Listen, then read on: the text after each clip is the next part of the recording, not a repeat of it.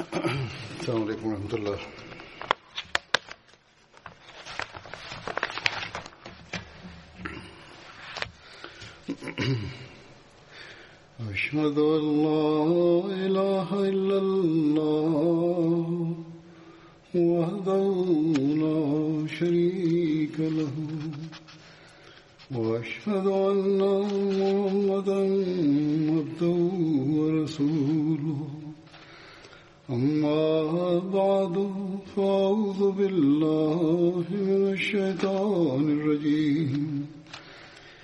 بسم الله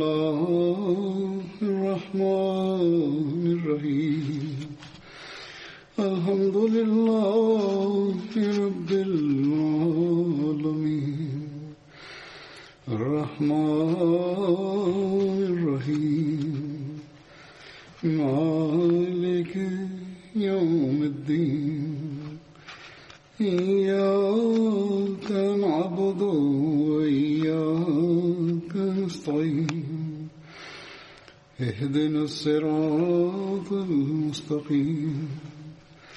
صراط الذين أنعمت عليهم. غير المغضوب عليهم ولا الضالين.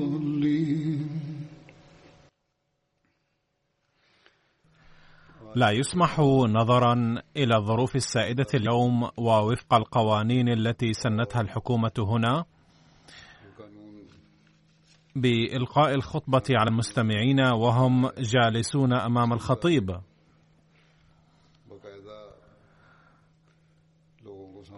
ولقد أعدت الإمكانيات هنا لأخطب من هذا المسجد مراعاة بالقانون والبقاء ضمن حدوده. وذلك لأنه يبلغ عدد المستمعين للخطبة الوفا بل مئات الألوف. سواء إن كان امامي أحد في المسجد أم لا.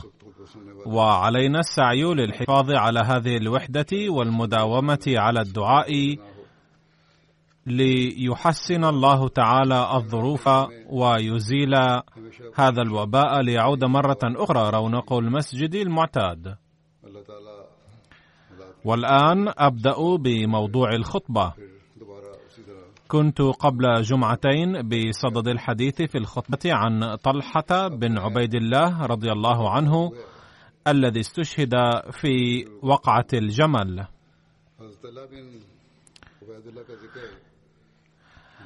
وقلت بأنني سأذكر بعض الأمور بهذا الخصوص. فأخبركم عنها اليوم بما يتضمن ردا إلى حد ما على بعض الأسئلة التي تثار حول وقعة الجمل.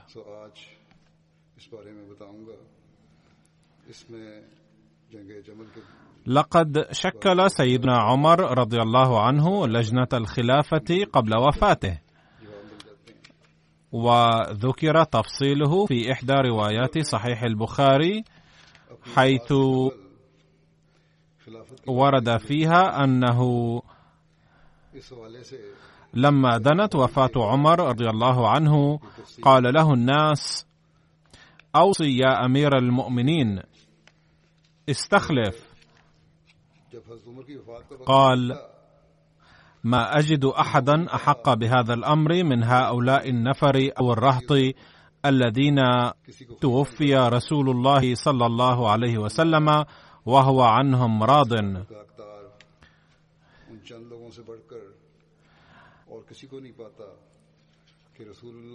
فسمى عليا وعثمان والزبير وطلحة وسعدا وعبد الرحمن.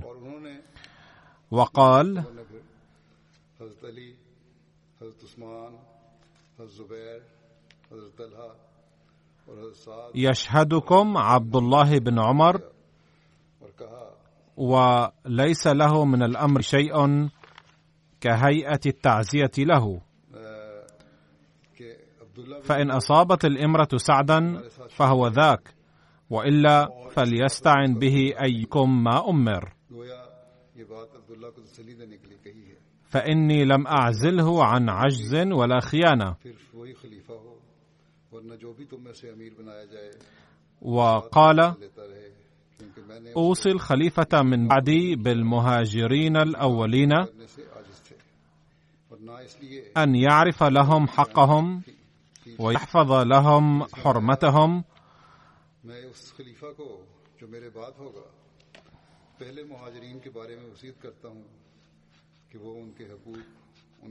و أوصيه بالأنصار خيرا.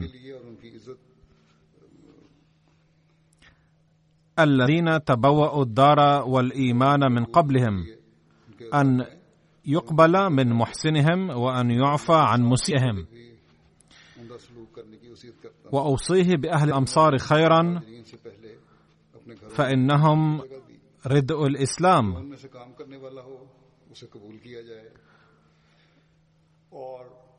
وجباة المال. وغيظ العدو.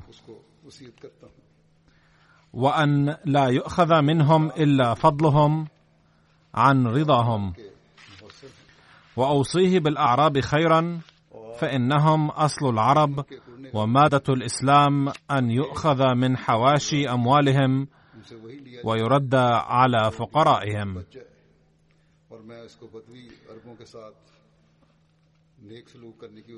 وأوصيه بذمة الله وذمة رسوله صلى الله عليه وسلم أن يوفى لهم بعهدهم وأن يقاتل من ورائهم ولا يكلفوا إلا طاقتهم. فلما قبض خرجنا به فانطلقنا نمشي فسلم عبد الله بن عمر على عائشة وقال يستأذن عمر بن الخطاب. قالت أدخلوه. فأدخل فوضع هنالك مع صاحبيه. فلما فرغ من دفنه اجتمع هؤلاء الرهط الذين ذكرهم عمر. فقال عبد الرحمن اجعلوا أمركم إلى ثلاثة منكم. فقال الزبير قد جعلت أمري إلى علي. فقال طلحة قد جعلت أمري إلى عثمان. وقال سعد قد جعلت أمري إلى عبد الرحمن بن عوف. فقال عبد الرحمن لعلي وعثمان أيكما تبرأ من هذا الأمر؟ فنجعله إليه. والله عليه والإسلام. لينظرن أفضلهم في نفسه. فأسكت الشيخان. فقال عبد الرحمن أفتجعلونه إلي؟ والله علي أن لا آل عن أفضلكم. قالا نعم. فأخذ بيد أحدهما فقال لك قرابة من رسول الله صلى الله عليه وسلم والقدم في الإسلام ما قد علمت. فالله عليك لئن أمرتك لتعدلن ولئن أمرت عثمان لتسمعن ولا تطيعن ثم خلا بالآخر فقال له مثل ذلك. فلما أخذ الميثاق قال ارفع يدك يا عثمان فبايعه فبايع له علي وولج أهل الدار فبايعوه. هذه رواية البخاري. وذكر المصلح الموعود رضي الله عنه تفصيل واقعة انتخاب عثمان رضي الله عنه خليفة فقال عندما أصيب عمر رضي الله عنه بالجروح وأحس بأن وقته الأخير قد دنا أوصى لستة رجال أن ينتخبوا واحدا منهم خليفة. وكان هؤلاء النفر الستة عثمان وعلي وعبد الرحمن بن عوف وسعد بن أبي وقاص والزبير وطلحة. كما ضم إليهم عبد الله بن عمر للمشورة دون أن يكون له حق في الخلافة. و عثمان حضرت علی حضرت عبد الرحمن بن عوف. وأوصى بأن يحكم هؤلاء كلهم في ثلاثة أيام. وأمر صهيبا أن يؤم الصلاة لثلاثة أيام. وأمر المقداد بن الأسود بالإشراف على الشورى. وأمره بأن يجمع كل هؤلاء في مكان ويجبرهم على أن يحكموا.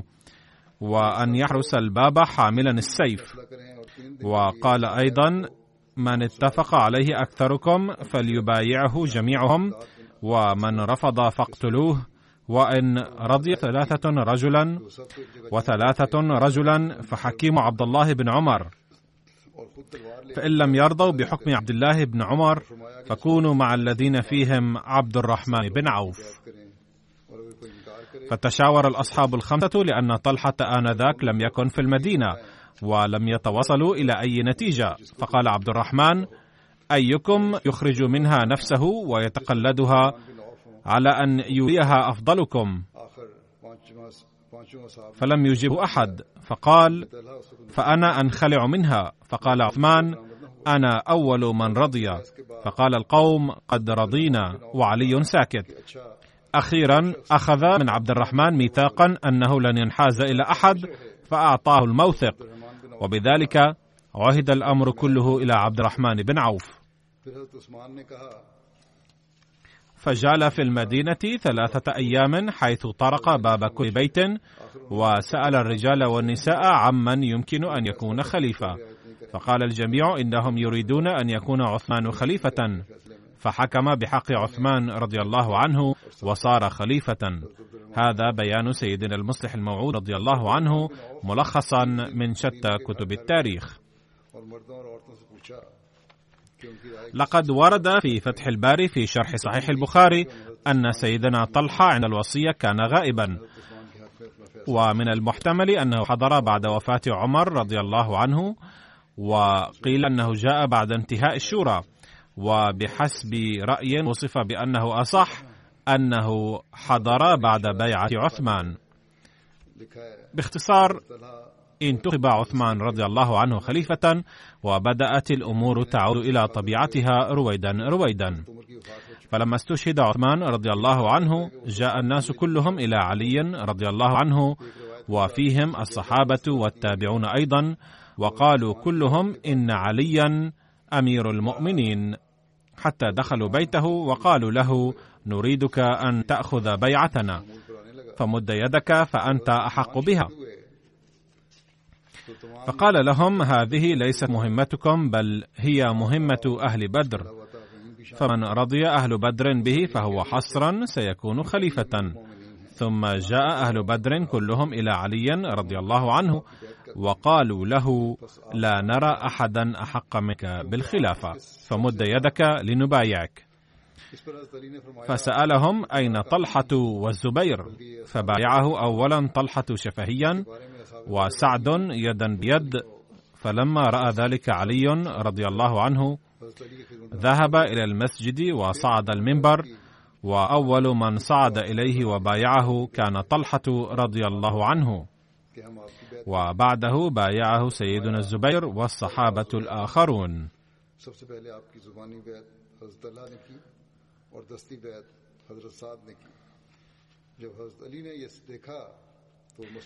هل كان سيدنا طلحة وسيدنا الزبير والسيدة عائشة وغيرهم قد بايعوا عليا رضي الله عنه أم لا؟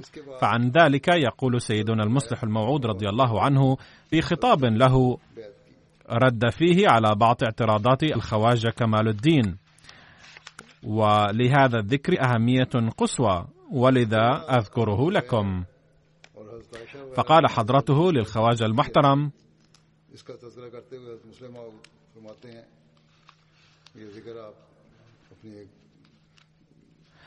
لا تستدل بعدم بيعة طلحة والزبير وعائشة رضي الله عنهم فهم لم يكونوا ينكرون الخلافة بل كانت قضية الثأر من قاتلي عثمان قد شغلتهم.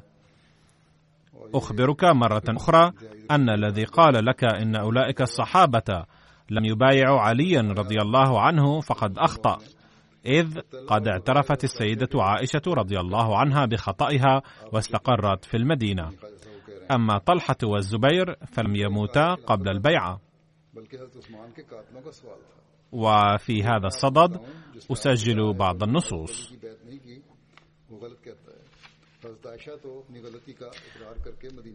أولا وأخرج الحاكم عن ثور بن مجزات قال مررت بطلحة يوم الجمل في آخر رمق أي كان يكاد يحتضر. فقال لي ممن أنت؟ فقلت من أصحاب أمير المؤمنين علي. فقال أبسط يدك ابايعك فبسطت يدي وبايعني وفاضت نفسه. فأتيت عليا فأخبرته فقال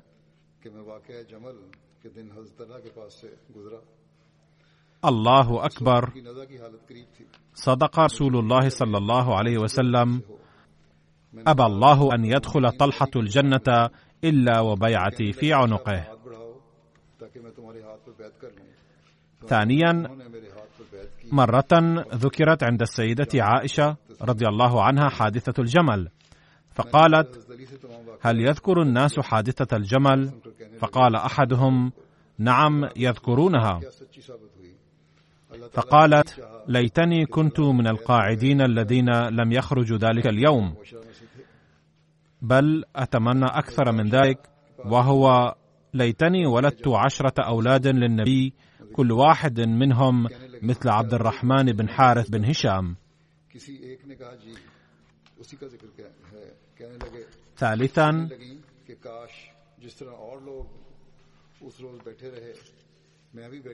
طلحة والزبير من العشرة المبشرة أيضا الذين بشرهم النبي صلى الله عليه وسلم بالجنة. ولا بد أن تتحقق بشارة النبي صلى الله عليه وسلم وليس ذلك فحسب بل قد تراجعا عن الخروج وتابا. يقول سيدنا المصلح الموعود عن شهادة سيدنا عثمان وبيعة سيدنا علي وحادثة الجمل. انتشرت فرق القاتلين في شتى الجهات. ووقاية لأنفسهم من الاتهام بدأوا يتهمون الآخرين. فلما علموا أن عليا رضي الله عنه قد أخذ البيعة من المسلمين تسنت لهم فرصة رائعة لإلصاق التهم به. وكان صوابا أيضا لأن عددا من قاتلي عثمان رضي الله عنه قد اجتمعوا حوله أي حول علي رضي الله عنه.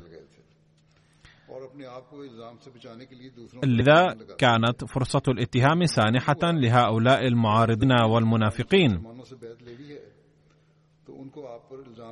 فالذين ذهبوا منهم إلى مكة أقنعوا سيدة عائشة رضي الله عنها أن تعلن الجهاد لأخذ ثأر عثمان رضي الله عنه فأعلنت ذلك واستنجدت بالصحابة.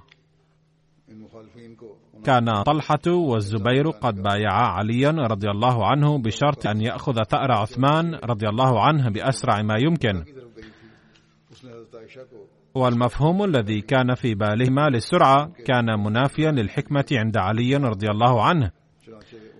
إذ كان يرى أن يستتب السلام اولا في جميع الأقاليم ثم يلتفت إلى معاقبة القتله لأن الأولوية لحماية الإسلام. ولو تأخرت معاقبة القاتلين فلا بأس في ذلك. كما كان هناك اختلاف في تعيين القاتلين أيضا. فالذين كانوا قد وصلوا إلى علي رضي الله عنه أولا مبدين حزنا شديدا وخوفا من نشوء الفقة في المسلمين لم يكن علي رضي الله عنه بالطبع يشك فيهم بأنهم هم أنفسهم مؤسسو الفتنة. بينما كان الآخرون يشكون فيهم فقط وبسبب هذا الاختلاف ظن طلحة والزبير أن عليا رضي الله عنه أخذ يرجع عن عهده. فلما كان قد بايعه بشرط ولم يحققه علي رضي الله عنه بحسب رايهم لذا كانا يعدان نفسيهما قد تحررا من تلك البيعة شرعا. فلما بلغهما إعلان السيدة عائشة رضي الله عنها انضما إليها وتوجهوا إلى البصرة جميعا. وفي البصرة نهى الحاكم الناس عن الالتقاء بهما. لكن حين علم الناس أن طلحة والزبير كانا قد بايعا عليا رضي الله عنه على أن يلتزم بأمر وبشرط معين انضم إليهما غالبية الناس.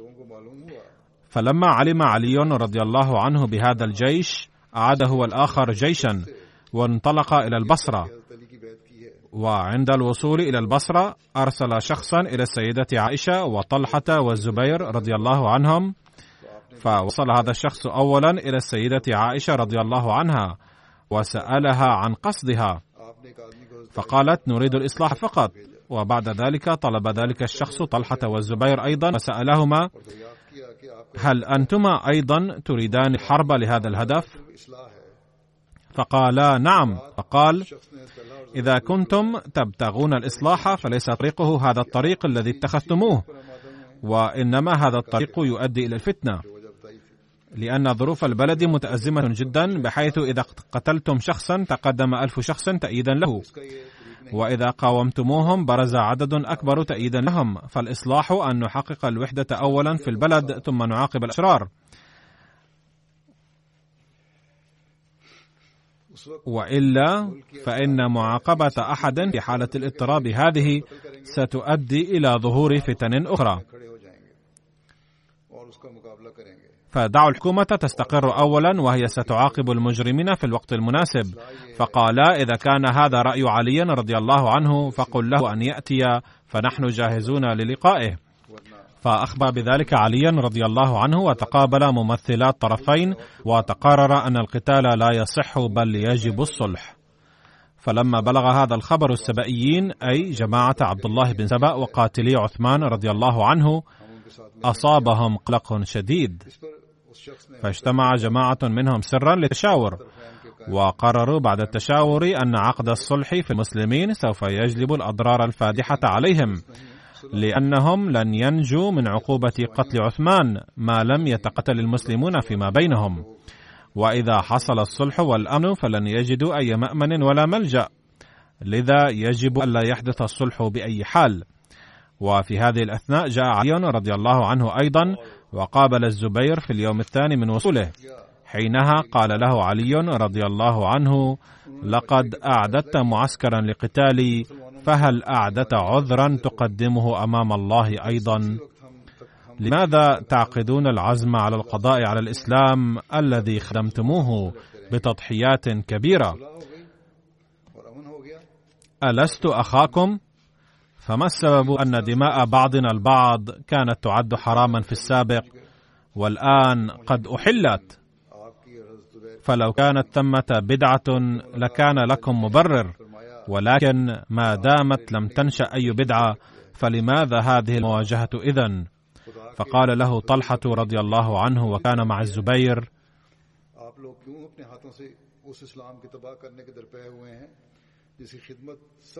إنك حرضت الناس على قتل عثمان رضي الله عنه. فقال علي رضي الله عنه إنني ألعن الشركاء في قتل عثمان رضي الله عنه. ثم قال علي رضي الله عنه للزبير رضي الله عنه ألا تذكر يوم قال لك النبي صلى الله عليه وسلم والله ستحارب عليا وستكون له ظالما. فعند سماع هذا القول عاد الزبير رضي الله عنه إلى جيشه وأقسم أنه لن يحارب عليا رضي الله عنه أبدا واعترف بأنه أخطأ في الاجتهاد. فلما انتشر هذا الخبر في الجيش اطمأن الجميع أنه لن تكون الحرب الآن بل سوف يتم الصلح. لكن أصاب المفسدين اضطراب كبير. فلما غشي الليل دبروا لمنع الصلح بحيث أن منهم من كانوا مع علي فهاجموا جيش عائشة وطلحة والزبير رضي الله عنهم ليلا. ومنهم من كانوا في جيش هؤلاء الثلاثة فهاجموا جيش علي رضي الله عنه ليلا. مما تسبب في إحداث ضجة وظن كل فريق أن الفريق الآخر خدعه مع أنها في الحقيقة كانت مؤامرة السبائيين فقط. فلما اندلعت الحرب نادى علي رضي الله عنه أن يخبر أحد عائشة رضي الله عنها لعل الله يزيل الفتنة بسببها. فجيء بجمل عائشة رضي الله عنها إلى الأمام. لكن النتيجة كانت أكثر خطورة لأن الثوار رأوا أن خطتهم قد فشلت فبدأوا يرشقون جملها بالسهم. فصاحت عائشة رضي الله عنها بشدة أن كفوا عن الحرب أيها الناس واذكروا الله ويوم الحساب. لكن الثوار المفسدين لم يكفوا وظلوا يطلقون السهام إلى جملها وكان أهل البصرة مع الجيش الذي اجتمع مع عائشة رضي الله عنها فاستشاطوا غضبا برؤية إهانة أم المؤمنين رضي الله عنها فاستلوا السيوف وشنوا الهجوم على الجيش المخالف. فصار جمل عائشة رضي الله عنها مركز القتال والتف حوله كبار الصحابة البواسل وبدأوا يسقطون صرعى أحدهم تلو الآخر ولم يتركوا زمام الجمل. أما الزبير فلم يشارك في القتال بل خرج إلى جانب ولكن أحد الأشقياء تتبعه وقتله وهو ساجد يصلي. أما طلحة رضي الله عنه فاستشهد في المعركة على أيدي هؤلاء المفسدين.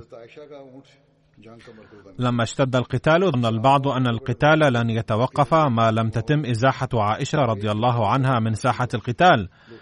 فعقروا جملها وأنزلوا هودجها ووضعوه على الأرض فتوقف القتال. فلما رأى ذلك علي رضي الله عنه احمر وجهه حزنا. إلا أنه لم يكن بد مما حصل. وبعد انتهاء القتال عثر على جثمان طلحة رضي الله عنه ضمن القتلى فأبدى علي رضي الله عنه اسفا بالغا. يتضح من كل هذه الأحداث جليا أنه لم يكن في هذا القتال دخل للصحابة مطلقا بل كانت الخطة كلها من قبل قتلة عثمان رضي الله عنه. وأن طلحة والزبير قد ماتا على بيعة علي رضي الله عنهم جميعا لأنهما قد تراجعا عن موقفهما وكانا قد قررا مساندة علي رضي الله عنه لكنهما استشهدا على أيدي الأشرار فلعن علي رضي الله عنه قاتليهما. قال حضرة المصلح الموعود رضي الله عنه في مناسبة أخرى وهو يتحدث عن حرب الجمل واستشهاد طلحة رضي الله عنه. عندما يبعث الأنبياء إلى الدنيا فإن أوائل المؤمنين بهم هم الذين يعدون من الكبار. فكل مسلم يعلم أن أبا بكر وعمر وعثمان وعليا وطلحة والزبير وعبد الرحمن بن عوف وسعدا وسعيدا رضي الله عنهم كانوا يعدون من كبار المسلمين. لكن ليس سبب ذلك أنهم كانوا أكثر تمتعا بأسباب الراحه من غيرهم. وإنما عدوا من الكبار لأنهم كانوا أكثر تعرضا للاضطهاد من غيرهم. عاش طلحة رضي الله عنه بعد الرسول صلى الله عليه وسلم ولما حصل الخلاف بين المسلمين بعد استشهاد سيدنا عثمان رضي الله عنه قالت فئة منهم يجب علينا أخذ ثأر عثمان رضي الله عنه. وكان طلحة والزبير وعائشة رضي الله عنهم جميعا زعماء هذه الفئة. بينما قالت فئة أخرى إن المسلمين في فرقة وتشتت الآن والناس يموتون كل يوم والموقف يتطلب منا توحيد صفوف المسلمين كلهم. اولا لاسترداد مجد الإسلام وشوكته ثانية وبعد ذلك سوف نأخذ الثأر من المفسدين. وكان علي رضي الله عنه زعيم هذه الفئة. لقد اشتد هذا الخلاف لدرجة أن طلحة والزبير وعائشة قد اتهموا عليا أنه يحمي قتلة عثمان رضي الله عنهم جميعا واتهمهم علي أنهم يؤثرون مصالحهم الشخصية على مصلحة الإسلام. وهذا يعني أن الخلاف كان قد بلغ الذروة. ثم نشب القتال بين الفئتين حيث قامت عائشة رضي الله عنها بقيادة جيش إحدى الفئتين. وقد شارك طلحة والزبير رضي الله عنهما في هذا القتال. وكما سبق أن ذكرت أنه رغم أنهما كانا من الفئة المعارضة لعلي رضي الله عنهم ولكن الزبير انفصل فيما بعد عن الجيش المحارب ضد علي. أما طلحة فكان أيضا قد تصالح مع علي رضي الله عنهم جميعا. لكن المفسدين من المنافقين والأشرار كانوا قد تمكنوا من إثارة الفتنة على كل حال. وصار القوم فئتين فاشترك طلحة والزبير في القتال.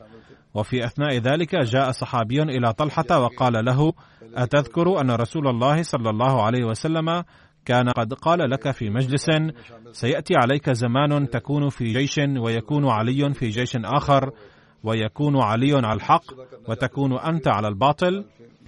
فلما سمع طلحة رضي الله عنه ذلك عاد إلى صوابه وقال نعم لقد تذكرت الآن ذلك. ثم انفصل طلحة عن الجيش على الفور وبينما هو يغادر ساحة القتال عملا بنصيحة الرسول صلى الله عليه وسلم. تتبعه شقي من جيش علي رضي الله عنه وطعنه بالخنجر وقتله. وكان علي رضي الله عنه في مجلس فجاءه قاتل طلحة يجري ظنا منه أنه سيعطى مكافأة كبيرة على قتله. وقال أمير المؤمنين أبشرك بقتل عدوك. فقال علي من؟ قال لقد قلت طلحة يا أمير المؤمنين. فقال له علي رضي الله عنه فإني أبشرك بالنار بناء على قول رسول الله صلى الله عليه وسلم لأنه صلى الله عليه وسلم قال في مجلس وأنا وطلحة فيه.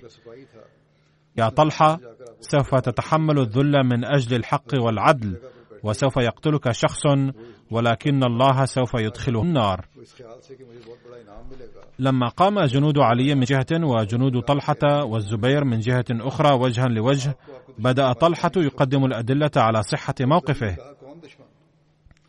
كان هذا قبل أن يغادر طلحة ساحة القتال بعيدا عن فتنة الحرب حين ذكره أحد الصحابة بقول رسول الله صلى الله عليه وسلم. فعيره شخص من جنود علي رضي الله عنه وقال أسكت يا مشلول اليد. كانت إحدى يدي طلحة مشلولة لا تعمل. فلما قال ذلك الشخص أسكت يا مشلول اليد. قال طلحة رضي الله عنه لقد قلت أسكت يا مسلول اليد. ولكنك لا تعلم كيف شلت يدي. عندما تقهقر المسلمون يوم أحد ولم يبقى مع النبي صلى الله عليه وسلم إلا 12 رجلا حاصرنا جيش الكفار الذي كان قوامه ثلاثة آلاف جندي. وبدأوا يرمون السهام على النبي صلى الله عليه وسلم من كل حدب وصوب. ظنا منهم أنه لو قتل النبي صلى الله عليه وسلم لانتهى الأمر كله. وفي ذلك الوقت كان قوس كل جندي من جيش الكفار يرشق السهام إلى محمد رسول الله صلى الله عليه وسلم. فوضعت يدي أمام وجه رسول الله صلى الله عليه وسلم فكانت سهام الرماة من جيش الكفار تصيب يدي حتى شلت كليا. ولكني لم أصرف يدي من أمام وجه رسول الله صلى الله عليه وسلم. وقد قال سيدنا المصح الموعود رضي الله عنه في مكان آخر في ذكر طلحة رضي الله عنه ضمن أحداث يوم الجمل قال شخص أن مسلول يد ذلك قد قتل فسمع أحد الصحابة هذا الكلام وقال يا أيها الشقي هل تعلم كيف شلت يده؟ حين هرب جيش الصحابة من الميدان يوم أحد نتيجة سوء فهم وعلم الكفار أن النبي صلى الله عليه وسلم موجود في ميدان الحرب مع بضعة أشخاص فقط تكالب عليه من كل الجوانب جيش الكفار الذي كان قوامه حوالي ثلاثة آلاف جندي. وحمل مئات الرماة أقسهم وجعلوا وجه النبي صلى الله عليه وسلم هدفا ومرما لهم. والذي نهض عندئذ لحماية وجهه الكريم كان طلحة رضي الله عنه ووضع يده أمام وجهه صلى الله عليه وسلم. فكان كل سهم يصيب يده بدلا من أن يصيب وجه رسول الله صلى الله عليه وسلم. فظلت السهام تصيب يده على التوالي حتى أن تلك الجراح لم تكن جراحا عادية بل بسبب كثرة الجروح عطبت عضلات يد طلحة رضي الله عنه وشلت يده كليا. واليوم تطلق عليه مشلول اليد استخفافا به. إن كونه مشلول اليد على هذا النحو لنعمة يتمناها كل واحد منا. सैकड़ों तीरंदाजों ने कमाने उठा ली और अपने तीरों का निशाना रसूल करीम वसल्लम के मुंह को बना लिया عن ربعي بن حراش قال إني لعند علي جلس إذ جاء عمران بن طلحة فسلم على علي فقال علي مرحبا عمران بن طلحة مرحبا فقال ترحب بي يا أمير المؤمنين وقد قتلت والدي وأخذت مالي قال أما مالك فهو معزول في بيت المال. فاغد إلى مالك فخذه. وفي رواية أن عليا رضي الله عنه قال فقد قبضت مالك لئلا يتخطفه الناس. وأما قولك قتلت أبي فإني أرجو أن أكون أنا وأبوك من الذين قال الله تعالى فيهم.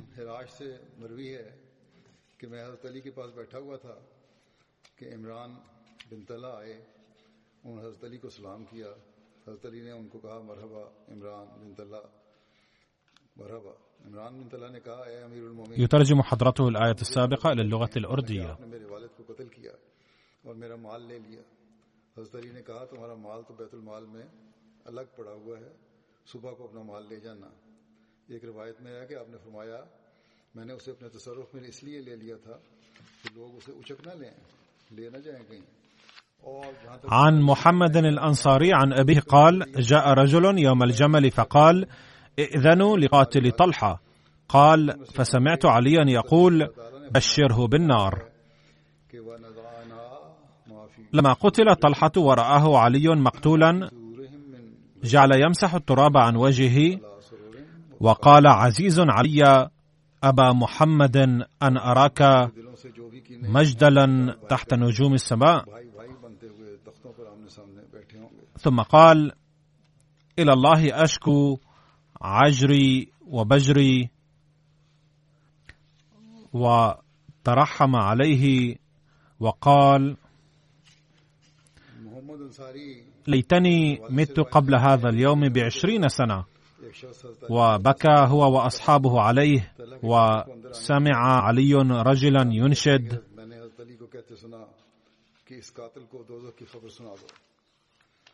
حضرت طلحہ جب شہید ہوئے اور حضرت علی نے ان کو مقتول دیکھا تو ان کے چہرے سے حضرت طلحہ کے چہرے پر سے مٹی پونچھنے لگے اور فرمایا اے ابو محمد یہ بات مجھ پر بہت شاق ہے۔ فتن كان يدنيه الغنى من صديقه اذا ما هو استغنى ويبعده الفقر۔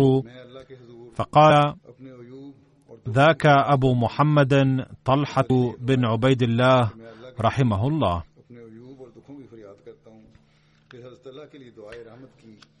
هنا انتهى ذكر طلحة رضي الله عنه والآن أقرأ على مسامعكم مقتبسا من كلام المسيح الموعود عليه السلام عن الظروف الراهنة حيث قال لمفتي محمد صدق ذات مرة هذا الكلام يعود إلى أيام كان الطاعون فيها متفشيا. في هذه الأيام يجب الاهتمام بنظافة البيوت ونظافة اللباس أيضا بوجه خاص الأيام الحالية قاسية جدا والهواء سام والنظافة من السنة. وقد جاء في القرآن الكريم أيضا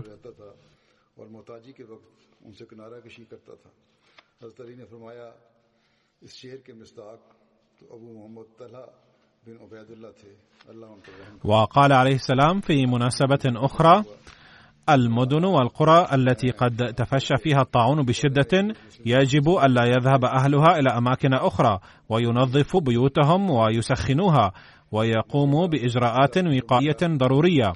وفوق كل ذلك يجب أن يتوبوا توبة صادقة. ويحدثوا في أنفسهم تغيرا طاهرا. ويتصالحوا مع الله ولينهضوا في جوف الليالي ويدعو الله تعالى. ثم قال عليه السلام التغير الصادق في حالة المرء هو الذي سينقذه من عذاب الله تعالى ولا نعم ما قيل. ندعو الله تعالى أن يوفق كل أحمديا للتركيز على الدعاء في هذه الأيام. عليكم أن تعملوا بتعليمات الحكومة أيضا. نظفوا بيوتكم جيدا وسخنوها بحرق بهارات معينة ورشحوا المعقمات مثل الديتول. وهي متوفرة في السوق. ندعو الله تعالى أن يرحم الجميع. باختصار يجب أن تركزوا على الدعاء في هذه الأيام. وفق الله تعالى الجميع لذلك.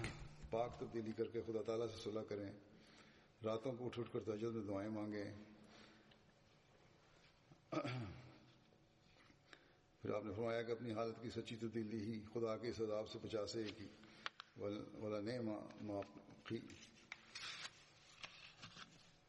اللہ تعالیٰ ہر احمدی کو توفیق دے کہ وہ ان دنوں میں خاص طور پر دعاؤں پر زور دے، حکومت کی ہدایات پر عمل بھی کریں، گھروں کو بھی صاف رکھیں، دھونی بھی دینی چاہیے، ڈیٹول وغیرہ کے سپرے بھی کرتے رہیں، وہ مل جاتے ہیں۔ اللہ تعالیٰ سب پر فضل فرمائے اور رحم فرمائے۔ بہرحال خاص طور پر ان دنوں میں دعاؤں پر خاص دور دیں۔ اللہ سب کو اس کی توفیق دے۔